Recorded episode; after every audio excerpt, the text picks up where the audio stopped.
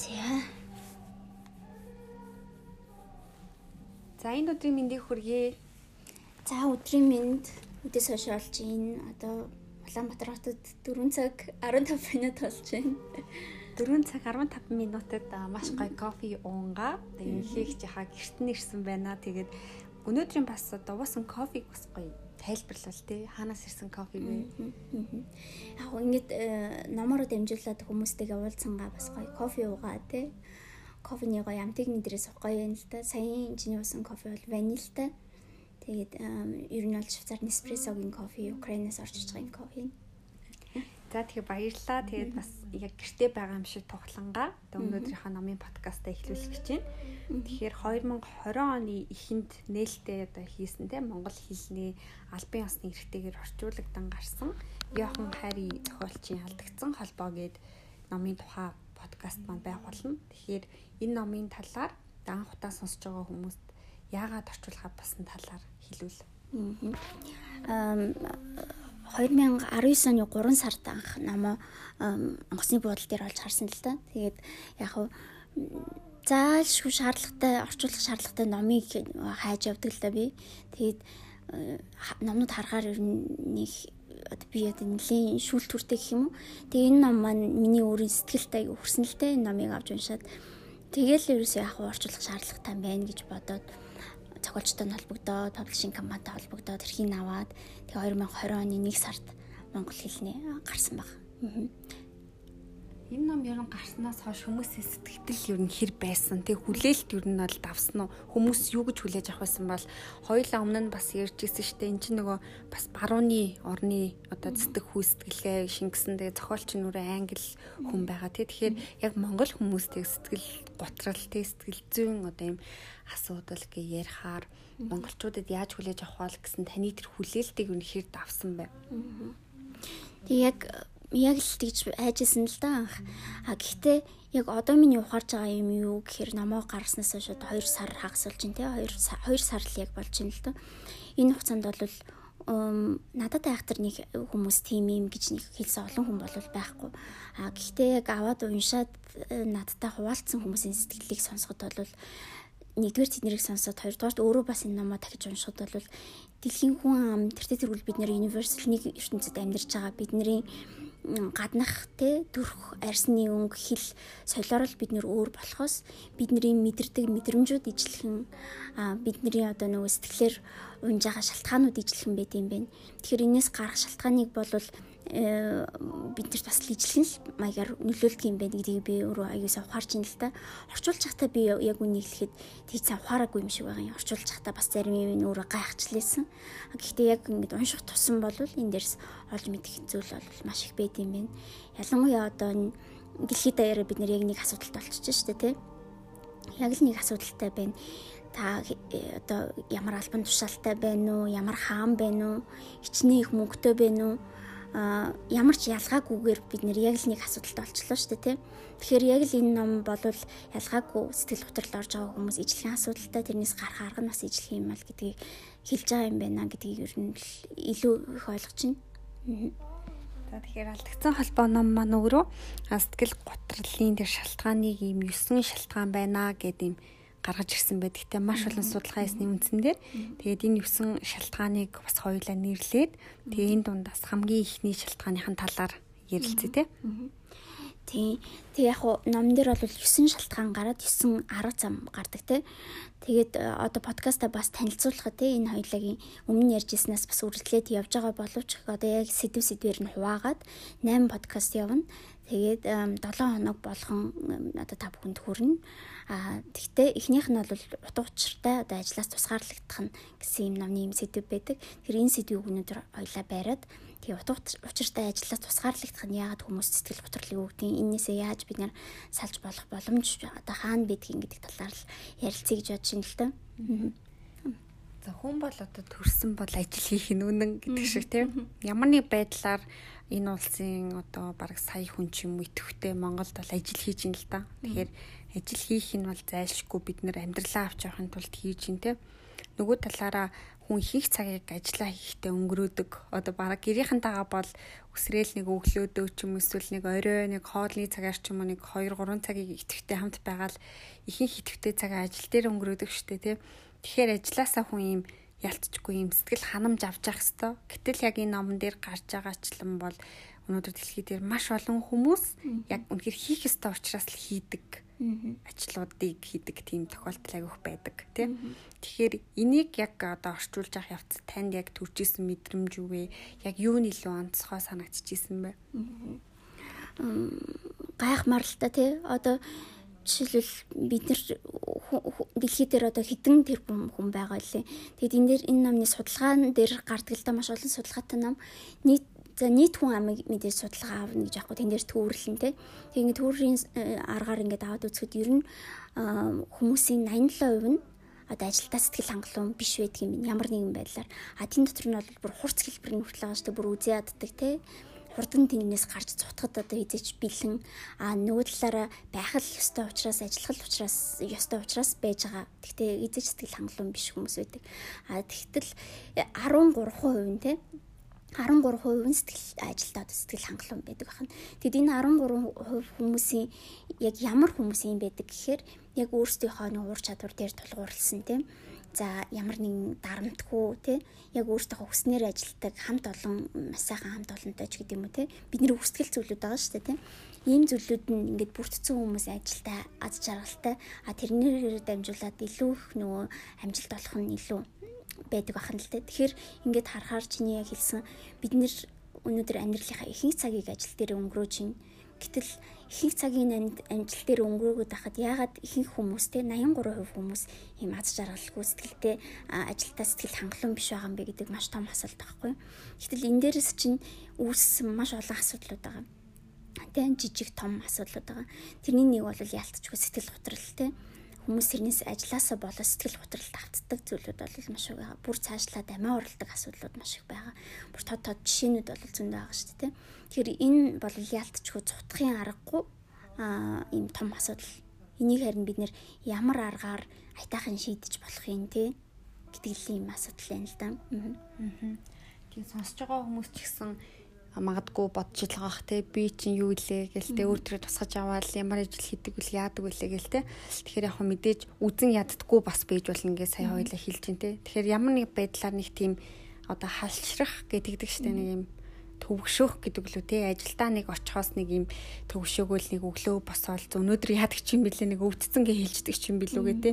Энэ жижиг юм ч ихс өөрөө шинж тэмдэг нэг байгаа байхгүй те. Та өөрөө өөрийгөө чагнах ч юм уу? Миний бодлоор одоо иймэрхүү тохиолдол гарвал хүн ажилла бүр мөсө орхин чаашин тий магадгүй нэг юм жоохон завсарлага авах тий одоо брейк брейк авах гэдэг тиймэрхүү одоо цаг хугацаас хүнд хэрэгтэй болов тий одоо зарим хүмүүс жишээлбэл одоо жилдээ нэг удаа ээлжийн амралт авдаг. Тий тэр цаг хугацаагаа амардгүй хүмүүс байдаг штэ тий тэгэхээр ядаж жилдээ нэг удаа яг ажиллаа мартаад тийм амрах тэр цаг хугацаагаас өөртөө гаргах юм шиг тий тэр нь магадгүй ажилдаа эргээд дурлах шалтгаан болох юм билүү гэж бодож байна.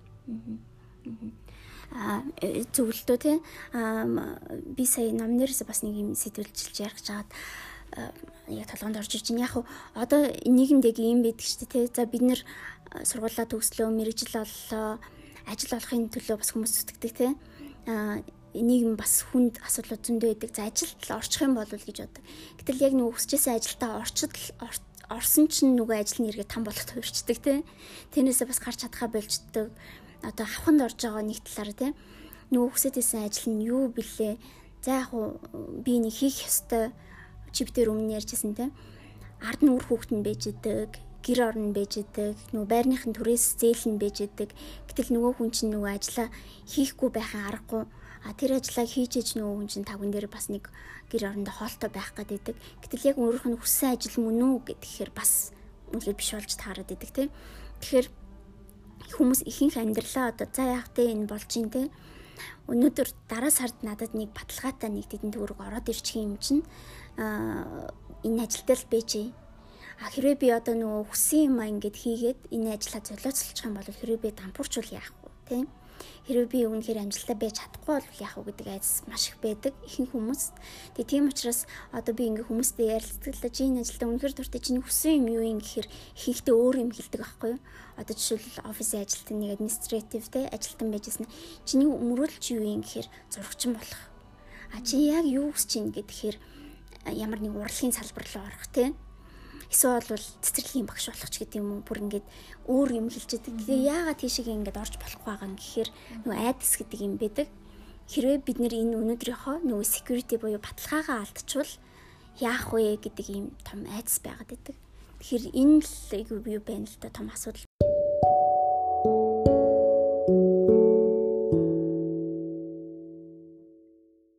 чи аавь гэж бодож ин л нэг хамаатны хаах тэр айгүй мундаг хүн л дээ Тэгэд э, яг ажлын хувьд бол бас нэлийн стресстэй ажил байсан.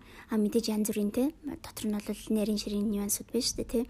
А нөгөө хүн чинь сайхан л бий уулзлаа л та. Тэгэд ажлаа сольж ин л тоо. Тэг тэр хүнийг би өмнө нь тийм ад шаргалтай байгааг ерөөс хараагүй байхгүй юу? хэдэн жилийн турш те уг нь бол их мундаг албан тушаалтай сайн цалинтай ингээд ажил байсан ч гэсэн тэр хүний хувьд үнэхээр аз жаргалтай байсан уу гэвэл үгүй байсан байж тарж байгаа байхгүй одоо ингээд хийж байгаа ажлыг харахаар тэгээ цалин нь бол магадгүй 5 дахин буурсан те албан тушаал нь ч гэсэн буурсан ч гэсэн тэр хүн амьдралдаа маш аз жаргалтайгаар тэгээ гэртээ очиод тэр нь бас яаж нөлөөлөх үү те гэдэг юм байна гэтэл бид нэрс эдийн засгийн юмыг орхитуулах хэцүүлэлтэй яалтчгүй. Тэгээ энэ дэр нэг юм гардыг маань номн дэр жишээнүүд байдаг. А зохиолч маань бас юуг дурдсан байдаг вэ гэхээр за капитализм гэдэг юм бидний амьдралд маш томоор ингээд нөлөөлж байгаа. Дэлхийн ертөнц бол өөрчлөгдөд байгаа тийм. Өмнөх юм дээр би чамд нэг жишээн дээр нэг Hunger Games гэдэг кино гэдэг чтэй тий. Бараг л одоо нэг талдаа тийм болоод байгаа юм шиг. А хит баян те одоо капитализм гэдэг юм бол хит бас баян хүмүүсийг үүсгэж чинь хит ядуу хүмүүсийг бас үүсгэж чинь. А энэ хоёрын хоорондын зааг бол нэлээд өндөр болж чинь. За нэг хүн компани байгууллаа те за би буруутгах байгаа юм биш шүү. Мэдээж ажил хөдөлмөрлөөрөө болвол өөрсдөө хөдөлмөрлөөд сайхан маш олон хүмүүсийг ажлын байртаа болгож байгаа хүмүүс байгаа а гэтэл нөгөө талаар одоо мүлжлэгийн асуудал бол маш их болсон сүүлийн үед те хүний хөдөлмөрийн мүлжлэг гэдэг юм бол их болсон Тэгтэл за эзэн нь те за нэг эзэн нь за зүгээр л жишээ яриа л да тийм. За э, сарын 50 э, мянган долларын цалин авч гинэ гэж бодъё. Гэтэл нөгөө доор нь ажиллаж байгаа хүн 500 долларын цалин. Гэтэл тэр хоёрын мэдлэгийн төвшин э, нэг айхтар зөрөө байна уу гэвэл за мэдээж байгаа. А гэхдээ бол адилхан хүн адилхан нийгэмд амьдарч байгаа. Яагаад ийм амир зөрүүтэй байгаа юм те? А а мэдээж удирдах ажилтан бол олон цагаар ажилтдаг нь үнэн стресстэй байдаг нь үнэн а гэтэл нөгөө бүр хамгийн доотлын доотлын албан тушаалж ажиллаж байгаа хүн бол ерөөсөө өнөө маргашаа яаж зогоё ард нь амьдралт нь те өчнөө хүүхдүүд ээждэг баг ажилгүй бас нөгөө эхнэр юм нөхөр нь байж идэг гэх мэтчлэн ийм маш том зааг гарч байгаа байхгүй юу.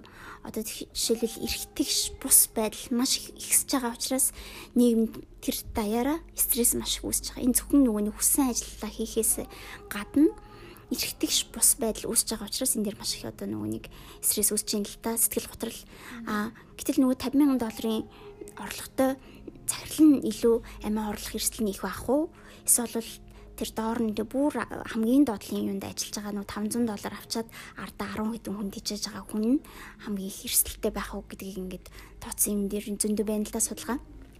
Тэгэхээр энэ дээр л бид нэр одоо яаж энийг ойртуулах вэ? Илүү төхөө болох уу? Яаж тэр хүн 50 мянган доллар аваад нөгөө хүн 500 доллар биш энэ хоёрын цалин илүү жоохоо ойртуулах уу? Эдийн засгийн хувьд те тэгжээч нөгөө сэтгэл санааны хувьд ч гэсэн арай баталгаатай ирээдүг нөгөө хүн маань хардаг болох уу гэдэг юм л маш яаралтай ингээд харах шаардлага гарч ин л та. Эндэгтэй ингээл улмал цааг нь том болоод байна л да. Энэ дээр намны нэг жишээн дээр одоо энэ Америкт л одоо Балтимор гэдэг газар нэг дугуй засварын газрын тухай гарч байгаа юм л да. Тэгээ энэ дээр яадаг вэ гэхээр нөгөө залуу маань багасаа дугуй засаад ингээд мэрэгшсэн. Одоо зугуй засварын газарт ажилдаг өөр бол ажилтан. А тэгээ яг л ийм л ялгаа гарч байгаа. Нөгөө хүн бол ингээд хамаг ажил нь хийгээд идэг мэрэгсэн хүн мөртлөө.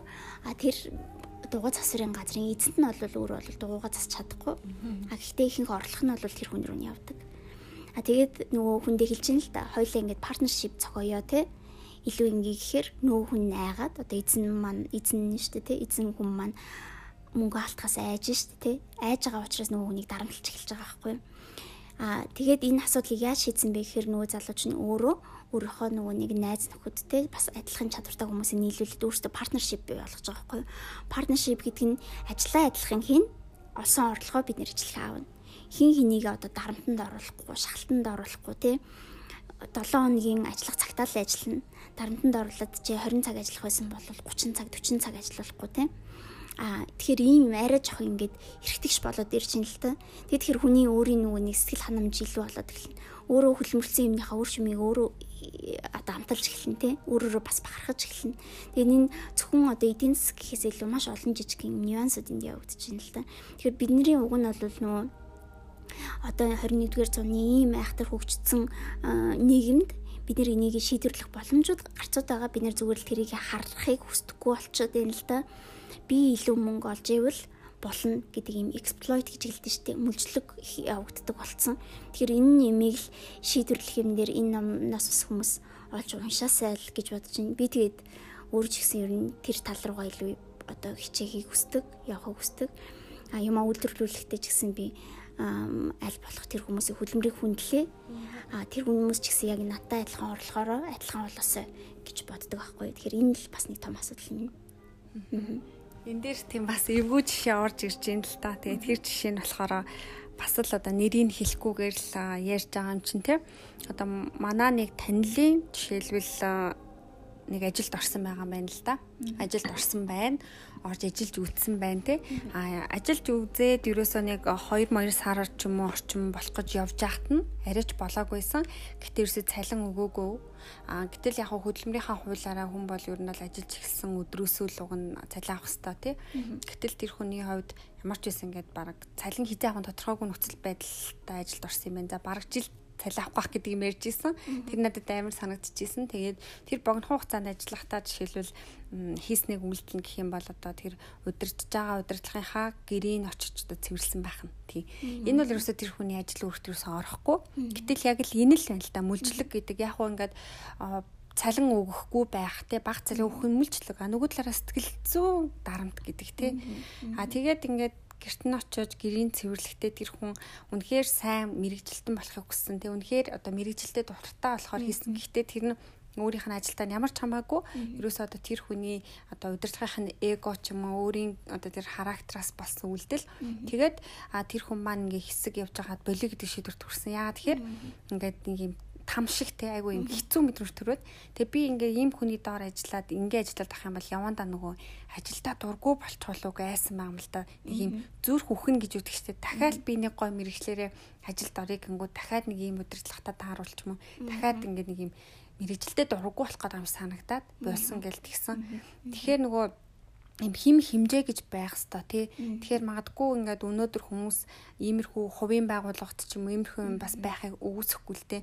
Тэгэхээр нөгөө зохиолчин ч гэсэн хэлээд байгаа нэг юм бидний дохоо мессеж гэдэг байгаа шүү дээ. Энийг анзаарч ивэл гээд тэг юу таны сэтгэлийг заваагаад энэ ажлын чинь аль талбар нэг л биш те. Тэгш бус санагдаад энэ хүн тэрийг чагнаад анзаараад ер нь сонсож явах ёстой юм шиг үлээ л дээ. Тэгээд яагаад гэж бодож явах ёстой. Тэрнээс биш заах уу ингээд нөгөө ажилласаа гарчгүй юмсан эсвэл бас цалингаа авахын төлөө гэд тэсэж болно. Гэхдээ нэг хязгаар гэж байгаа. Тэр хязгаарыг үнэхээр давж ивэл бас та үнэхээр зогсох хэвтан болов ажлаа үнэхээр солих хэвтан болов зоригтой гэж бодогдоод байна. Яг нам дээр бас гардаг л да. Одоо жишээлбэл бас нэг Joey гэж залуугийн тухай гардаг байхгүй юу? Намтайгаа гэр хоёул холбож байгаа учраас тийм Тэгээ Joey маань яадаг гэхээр будагны будаг одоо найруулдаг юм дэлгүүрт ажилладаг. Тэгээ өөрийнх нь мөрөөдөл бол Америкийн одоо бүх мужуудаар явж загасчлах. За тэгээд хүмүүст нөгөө загасчлах юм гайд болох юм мөрөөдөлтэй. Тэгээ алхицын өөрөө бол 20 хэдэн мужаар явцсан. А гэхдээ мөрөөдөл нь бол байсаар л дөнгөж 30 хэдэн настай залуу. Тэгээд энэ залуу маань нөгөө бодгийн дэлгүүрээс гарах ямар ч гарцгүй болцсон гэж өөрийгөө хардаг байхгүй. Тэгээд тэрний хийдэг ажил гэхээр өдөрт очоод хүмүүс орж ирэхээр будгаа найруулна, будгаа өгнө. Нөгөө хүмүүсээсээ та ямар будаг авах хүсэж чинь гэж асууна. Нөгөө хүн хэлнэ, будгаа найруулна. Ерөөсө өдөржингөө хийдэг ажил нь тэр. Гэтэл нөгөө хүний потенциалын одоо төвшөнд хизээч хүрдэггүй. Одоо тэр хүнийг чаленж хийхгүй шүү дээ тий. Өөрийнх нь сорихгүй энэ тэр ажил. Би өөрийнх нь хүсэж байгаа зүйл юу байдаг гэхээр өөрийгөө сормоор санагдаад идэг нөгөө хүн чинь өөрийнхөө чадварыг бас хармаар байдаг. Бусад хүмүүст одоо тустай юм хийчмээр идэг тий. Өөрийнх нь мөрөөдөл бол нөгөө загасчлалын гайд хийгээд хүмүүст бас танилцуулах гэдэг шүү дээ тий. Гэтэл нөгөө хүн чинь загасчлаад явхаар цалин баг. А будагны дэлгүүрт ажиллахаар цалин өндөр биш боловч байрныхаа түрээсийг төлөөд нэг хоол ундаа аваад өдөр өдрийнхөө амьдралыг ингээд аргацаагаад амьдраад идэг. А гэхдээ э, яг энэ байдлаас болоод нөгөө хүн чинь маш том юм сэтгэл хөдлөлийн стресс сэтгэл одоо мэдрэлийн одоо баг өвчтөй болох нь бараг л одоо төгцөн гэж энэ ном дээр гарч байгаа байхгүй. Тэгэд яагаад одоо бас тэр хүний шалтгаан одоо нэг нэгдүгээр одоо потенциалтай хүрч чадахгүй хоёрдугаарт яагаад гэдэг гэхээр нөгөө захирал нь те нөгөө удирдах ажилт нь нөгөө хүнийг ойлгож ярилцдаггүй утсаар яриад э, цагтаа ирсний эсхийн шалгана нэгдүгээрт хоёрдугаарт 5 10 минут хоцорч ирсэн бол хашгирч загнадаг. Тэгээд хизээч ямар ч нөгөө хүндээ нэг магтаалын урмын байж чаддгүй. Тэгсэн мөртлөө нөгөө хүн маань яг нөгөө цалиндаа баригдаад нөгөө ажилтан маань тий. Үгүй яг нэг хангалттай Гэхдээ ад жаргалтай байх боломжгүй. Гэхдээ л өнөөдрийн амьдралд нь хангалттай нэг юмар ингээ уягдаад байгаа байхгүй. Яг нэг нохоо хүлээсэндээ байгаа юм шиг тий өдөрт нэг сав хоол өгчөөл ингээд амьдрал нь ерөөсөө тийм юм шиг. Тэгээ тэрэндээ ингээд тасцсан мөртлөө маш том сэтгэл хөдлөлт байгаад байгаа хгүй. Тэгээ юмнээс хамааралтай болдог. Ийм жишээ гардаг. Яг ийм жишээтэй хүмүүс бидний хажууд амьдралд зөндөө байждаг тийм. Тэр энээс гарах боломжуудыг бол бид нэр хайх хэрэгтэй л гэж би өөрөө миний хувийн бодол бол тийм а яагаад насан турштай юм юм хүлээстэй байх юм те энийг бид нэр өөрчлөх боломжууд байгаа. Зоригтой ах чиний сайн хэлсэн зоригтой ах хэрэгтэй байхгүй а гэхдээ хүн болгоныг одоо жишээл э, тэнийг юм шиг сонсогдно л доо. Чи зоригтой бай ажлаа өөрчлөх гэж хэлэх бол тэнийг сонсогдно л доо.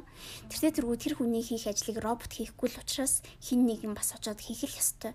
А гэхдээ яах вэ гэхээр түрүүний Балтимор гэж жишээн дээр ярьж байгаа шиг тэр ажлын байрыг бид нэр өөрсдөө жохон ч гэсэн өөрчлөх чиний түрүүн бас хэлжсэн те тэн дээр яаж тасан цогцоо тэрийг өөрчлөх боломж юу байна гэдгийг л илүү харах хэрэгтэй юм байна л да. Магадгүй тэр хүний те удирдлах нь ирээд уулзалтаа хийждэг 7 хоногт нөгөө хүнийг магтаад урамшуулцдаг. За тэр будгийнхаа дэлгүүрийг яаж нэг арай өөрчилчих талаар нөгөө ажилтныхаа сэтгэлдлийг сонсчдаг. Тийм болох юм бол хичээхтэй. Тийм. Тийм болох юм бол нөгөө ажиллаж байгаа хүн чинь ч гэсэн өөрөө ямар нэгэн байдлаар тэр ажилд бас хувь нэмрээ оруулж байгаагаа мэдрэн штэ тий. Мэдрээд ирэхээр нөгөө сэтгүү өөрчлөлт эхэлт юм байна л да. Яг үнэ нөгөө зарим зүйлийг үнэхээр бид өөрчилж чадахгүй тий. Гэтэл өөрчилж болох зүйлийг өөрчлөх нөгөө эрд зэрэг сарвал ухаан биднэрт бол айгүй хэрэгтэй гэдэг тий. Тэгээд жишээлбэл ажилдаа ингээд жоохон ачаал их байгаад идэг тий. Заримдаа. Тэгээд тэр нь амар ядаргаатай ч юм шиг те ёо яана маргааш яаж өнгөрөөнө гэл бодоод унтдаг хүн байлаа гэж бодоход хэрэг удирдлагатайгаа уулзаад те. Би яг ийм ийм ийм ажил хийж гин. Аа тэгээд яг энэ хэсгийг ингээд авчвал болон те энийг авснаар одоо би цөөхөн ажил хийх гээд байгаа гол нь биш. Би ажиллаа чанарчуулах чинь те эргээд надад айгүй тийм ад жаргалтай санагдчихэйна гэх те. Тиймэрхүү жишээлбэл жишээгээр ажлынхаа ачааллыг арай хөнгөрүүлж болно.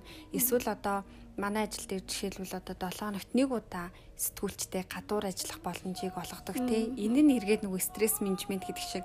Яг ингээл нэг өрөөнд суугаал 5 өдөр ажиллах бас хүнд ямар санагдах вэ тий. Гэтэл нэг удаа гараад нийгмийн амьдралдаа ороод ажиллах хүний сэтгэл санааг өөр болгож нүд нээдэг ч юм уу тий. Ийм байдлаар нэг ийм хүн угаасаа уйдам хаа штт те. Ямар нэг байдлаар хүн ихээр дуртай ажиллаа хийжсэн ч гэсэн яг нэг зэгт очиод гацдаг штэ. Яг ингээд ялангуяа бүтээлч салбарт ажиллаж байгаа хүмүүс те ингээд юу гэлээ гэж шавхагддаг. Тэгэхээр им цэнгэлж яах өөрийгөө нэг үе үе цэнгэлж яах юм хэрэгтэй юм л да. Энийг юм менежменттэй өөртөө хийдэг. Аа тэгэхгүй бол яг л үнэнэлтэй яг ингээд ажиллаа шууд солиол гарна гэдэг бас айгүй өрөөсгөл ойлголт те. Ингиж өөрчилж чадах зүйлийг бид нэр өөрчлөлмөр санагдаад байгаа. Энэ дэр яриул их юм байна тий. Ажлын юм дэр за тэгэл одоо зүгээр миний өөрийн жишээ гэх юм бол бас би өөрчлөлтийг хайдаг. Тэгээд ер нь тэр өөрчлөлт дундаа л амьдэрдэг байхгүй юу? Одоо жишээлбэл яг мэрэгчлэрээ ингээд ажлыг хийх юм бол бас болж ийна. Гэхдээ миний хүсэн зүйл бас юу вэ гэдэг ингээд өөр хүн өөрчлөгдөг л амтэн штэ чиний саяхан хэлсэн шиг яг насан туршдаа нэг газар нэг юм хүсээд байна гэдэг бас хэцүү. Тийм учраас яг өнөөдөр за номоо орчуулж гин, номоо хэвлэн гаргаж гин, загвараа гаргаж гин те бас тэрнийхээ хажуугаар нь жижиг жижиг сажиг юмнууд хийж гин. А гэхдээ би нэг лекцнээ сонсч ирсэн юм аа чи яавал ажилдаа бас их аз жаргалтай байх вэ? Чи аз жаргалтай ажил хийж байна уугүй юу гэдгийг яаж хүн олох ёстой вэ гэхээр өөрөөсөө ийм асуултыг асуух ёстой байна л да. Гурван асуулт гэжсэн би тэгтээ мартсан байна юу нь бол аа чи яг энэ ажлыг хийснээр хин нэгэнд тустай байна уу те? чиний ажил хин нэгэн тус болж чадаж байна уу? А чи энэ ажлыг хийснээр өөртөө бас тус болж чадж чинь жаад шаргалтай байж чадж байна уу? Яг том хүрээгээр нь харахад те. Эргээд урт удаа хугацаанд чиний ажил чинь дэлхийд одоо ямар нэгэн байдлаараа өгөөж өгч чадж гин үү гэдэг юмнуудыг л асуух хэрэгтэй байна л да. Тэгээд энэ асуултанд үнэхээр ажил тим гэж хариулах юм бол чи урт удаа хугацаанд аз жаргалтай ажилтаа аз жаргалтай байх одоо магадлал өндөр гэсэн үг. А хэрвээ энэ асуултууд бүгдэнд нь үгүй болчих юм бол бас л том асуудал ахгүй юу? Яагаад тэгэхээр нэг сарын, нэг жилийн, хоёр жилийн, гурван жилийн өндөр цалинтай ажил хийж болно. А гэхдээ тэр ажил чинь утга учиргүй санагдах юм бол хүн аж аргалгүй болдог. Яг л нэг утга учиргүй аж аргалгүй гэрэл чиг те бид нар чинь ажилтайгаа хамгийн холбочж байгаа учраас. Тэг яагаад ингэж том хөрөнгө оруулалтын банкнд ажиллаж байгаа хүмүүс те насаараа ажилтсан том мэрэгчлэнүүд хуульчид завлс төрчид гів гинтхэн бас юмаа сольт юм бэ те? Ягаад гів гинтхэн цэцэрлэгч болсон явж байгаа юм бэ гэл ингээл асууя л да те. Тэр яг л тэр нөгөө нэг өөрсдийнх нь хилээд яриад байгаа юм хийж байгаа юм нь бусад хүн бас нөлөөтэй байна уу гэдгийг хүн байглаасаа тийм хайдгийг юм байна л да те бас бүх юмыг хараар харж болохгүй те. Зөвхөн зөвхөн хувиа борлуулахын тулд ажилдаг гэх юм бол худлаа яванда ямар нэгэн байдлаар хин нэгэн тустай байна уу гэдэг юмыг тийм л гэж хариулах юм бол ачааргалтай л утга учиртай л ажил болж хувирах гэдэг юм л да. Тэгэхээр чинь бас гаргалгаа тийм гараад ирж штэ. Өнөөдөр сонсож байгаа хүн ч гэсэн үнэхээр миний хийж байгаа ажил хэрэгтэй үнцэнтэй байж чадчихэв үү? Хэрвээ тийм бол та бас өөртөө бас баяр хүрэх хэрэгтэй те. Тэгэж чадахгүй ч хүмүүс зөндөө байгаа юм чинь. Тэгээ энүүгээр бас нэг юм жоохон химжиж ер нь бол дээ. Тэгээ энэ нам дээр ч гэсэн ер нь одоо сүүлийн гаргалгааг бас хоёулаа төгсгөл рүү оруулъя гэж бодож чинь. Тэгээ нэгэнт үнэхээр ийм байгаа юм чинь тэгвэл одоо яах вэ? Яаж илүү утга учиртай ажилтай холбогдох вэ? Энэ талаар бас хоёул ярив тийм сая ерөн тэгтээ хоёлаа бас юм дээр базаал сая нэг тойруулаад тойруулаад ярьлаа тий. А нэгдүгээрт бол хүн зөрөгтэй ах хэрэгтэй байна. А гэхдээ зөрөг гэдгийг бас аюу тийм юугаар хэлэхэд хэцүү л тий. Одоо түрүүний хоёлагийн хэлсэн чиг ажилласаа гар гэж хэлэх бол хэцүү аж жаргалгүй байгаа бол. А гэхдээ хэрвээ та ажилдаа хэрвээ аз жаргалгүй өнөдөр байгаа болвол тэрийг өөрчлөхийн тулд нэгдүгээрт саяын асуусан асуултуудыг өөрсдөөс асуугаад үзтээ та үнэхээр ажилдаа аз жаргалтай байна уу? Таны хийж байгаа ажил чинь хин нэгэнд ямар нэгэн байдлаар тусалж чадчихэв үү? А хэрвээ тийм бол та зөв чиглэлдээ явж байгаа юм байна. А хэрвээ энэ асуултанд үгүй гэж хариулж байгаа бол танд ямар нэгэн өөрчлөлт хийх цаг болсон байна. А гэхдээ энэ өөрчлөлтийг хийхдээ та зөвхөн ажлаа өөрчлөе, ажилласаа гарыг гэхээс илүүтэйгээр яг орчноо би яаж өөрчлөөд удирдлагатайгаа яаж харьцах вэ? А хэрвээ та удирдлах хүн бол яагаад ажилч чинь одоо үр дүн баг гараад байна, тийм? Ягаад ажилч чинь ажлаа амархан солиод байна? Ягаад аз жаргалгүй байгаад байна гэдэг асуултуудыг бас өөрөөсөө бас маш том асуултыг асуух хэрэгтэй. Танай ажил эргэтгэж байж гин үү? А хичнээн доод одоо төвшөнд ажиллаж байгаа ч гэсэн тэр хүмүүсийнхаа саналыг та бүхэн сонсч гин үү? Эргээд тэр хүмүүс чинь саналаа та нартай хуваалцах гин үү? Гэдэг ийм асуултуудыг асуух хэрэгтэй. А хэрэг үнэхээр боломжтой болоод ажлаа өөрчлөх боломжтой хүмүүс нь бол яагаад болохгүй гэж өөрчлөөд үзтээ өөрөө хүссэн юм руугаа зүтэг те. Зэр бидний амьдрал чинь ер нь бол аялал шүү дээ тий бидний амьдрал амьдрал чинь аялал а яг зорьсон хамгийн эцсийн зориг гэж юм бол бид нарт бол байхгүй шүү дээ. Эцсийн зориг гэж хүмүүс их асуудаг. Эцсийн зориг гэдэг чинь одоо магадгүй бидний эцсийн зогсоол шүү дээ тий тэгэхээр бидний амьдрал чинь аялал учраас та хэрвээ боломж чинь байгаа бол амьдралаа өөрчил ажлаа өөрчил хүсэн юм а хий гэж хэлмээр энэ юус За чиний хувьд Тэгээ энэ номон дээр ч гэсэн төгсгөл хэсэг дээр тийм гардаг шүү дээ. Одоо амьдралынхаа хийх цагийн хүмүүс ажилдаа өнгөрөөж гин. Тэгээд энэ ажил дээр хүмүүс багч гэсэн эрчөлөөтэй байхыг хүсдэгэ гэж тийм. Мэдээж гэртэй байна, найз нөхдөдтэй байна. Гэтэ хүн болгоно л ямар нэг байдлаар хамт олон байгаа шүү дээ. Тэр дотор нэг хүн өөрийгөө хин нэг юм мэд мэдрэгтэй, чухал мэд мэдрэх нэг үгээ хэлж хэрэгтэй байхтай нэг өөрчлөлт оруулж чадах хэмжээний. Тэгээд сая бас хэлсэнчлэн зөвхөн өөрийнхөө амьдралд үр шимийг хүртээд зогсохгүй тэр ажлыг хийснээрээ яг нэг нийгэмд ч юм уу те нэг нөлөөг үзүүлээд үзүүлж байгаа гэдгийг хүмүүс боддоор мэдэрч чадвал айгу аж жаргалтай байд юм байна л да. Тэгэхээр яг тэрийг л энүүгээр л жоохон химжиж болох юм болов даа гэж бодож ин те. Зөвхөн та ажиллаа хийгээл аж жаргал мэдрээд байна уу? Эсвэл таны ажил чинь цаагаараа нөгөө нэг хүнийг ч гэсэн нөлөө үзүүлж чадчихэв үү гэдгийг л химжээд үзүүл болох юм байна гэж бодож байна. Тэгээд ажил гэдэг нэг хүнд мэдээж одоо зовлон байвал хэцүү шттэ өглөө сэрэл ёо яаж ажилдаа явна гэж боддог битгийл байгаасаа тий. Эн чинь л ерөөсөө таны тэр өдрийг бүхэлд нь нурааж штэ. Хуримтлагцаар байгаад юу н бидний хамгийн чухал үнцэнтэй зүйл чинь цаг хугацаа штэ. Тэгэхээр ажлыг бид нэр айгуух цаг хугацаа залуу насаа зориулж тэнд ингээд өнгөрөж штэ. Тэгэхээр нэгэн тал цаг хугацаа зарцуулж байгаа залуу насаа зарцуулж байгаа юм чинь утга учиртай ажил хийсэн дээр те. Магадгүй эдийн засгийн хувьд бол яг таны хүссэн төвшөнд хүрэхгүй байж болно те. Гэхдээ яг тэндээсээ та кайф мэдрээд үнэхээр утга учиртай байж чадвал эргээ тарахаар одоо айгу богино штэ амьдрал чинь те. Юу хийсэн бэ гэж эргээ харахаар нэг үн цэнтэй зүйл баймаар байна штэ тэгэхээр миний хувьд бол яг ажиллаа солих байгаа найзуудтай ч юм уу зүгэлдэг зүйл нь чи тэнд очиод нэг юм байхдаа нэг чамааг хүндэлдэг. Тэгээ чамад үн цэн мэдрүүлдэг газар байвал гэж би ер нь зөвлөдөг. Ягаад тэгэхээр цаг хугацаагаа зарцуулж байгаа гэдэг бол миний хувьд аяга үн цэнтэй. Хизэж эргэж ирэхгүй шүү дээ. Тэгээ нэгэнд цаг хугацаагаа зарцуулж байгаа юм чи би ядаж үн цэнтэй л газар ажилламаар энэ намайг бол нэг хүн гэдгийг нь хардаг тийм. Тэгээ тэрийг ч гэсэн би одоо ажиллаж байгаа ажилласаа авдаг болохоор айгүй ажиглалтай чаддаг. А хүмүүсийн хувьд бол илүү ажил гэхээр юу гэдэм нэг тренд болж байгаа ч юм уу тухайд нэг юм хүмүүсийг жоохон байлдан дагуулж байгаа эсвэл нэг тийм өнгөдийн жоохон карьертай үн одоо нэр хүндтэй ажлуудыг л хүмүүс их гоё ажил гэж хардаг штеп. Гэтэл нөгөө ад жаргал өгч байгаа юу гэж судалгаануудыг одоо ч ихсэн уншиж хахад яг тэр ажлыг хийснээр хүн аж аргалтай болдгоо гэхээр үр дүн яг өөр идэг штэ тий. Яг гол нөгөө нэг яг инсайт буюу тэр цаана нь байгаа зүйл бол яг үнд цэн хүндлэл гэж би бодоод байгаа. Энүүгээр л би болж хэлэл өөрөө л хинчдэг байхгүй. Тэгэхээр яг таач гэсэн яг тэгжил хэмжиж үзээрэй л гэж би хүсмээр байна.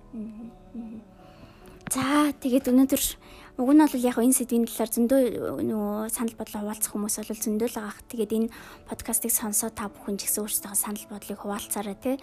Нийлттэй шүү бүх юм. Ялангуяа яг энэ жил бол их сонин жил болж ийн бүх дэлхийд даяар те. Гэрээсээ ажиллаа хийж байгаа хүмүүс зөндөө энэ. Битэр ч гэсэн одоо манад суугаалын нэг яриа сууж ийн. Тэгэхээр энийг бид нэр илүү хад шагалтай болгож эргүүлэх боломжууд бол зөндөө байгаа шүү. А зарим зүйлүүд нөгөө хэцүү зүйл цаана аз жаргал те сайн сайхныг одоо нуудсан байдлаар хүнд ирдэг гэж хэлдэг.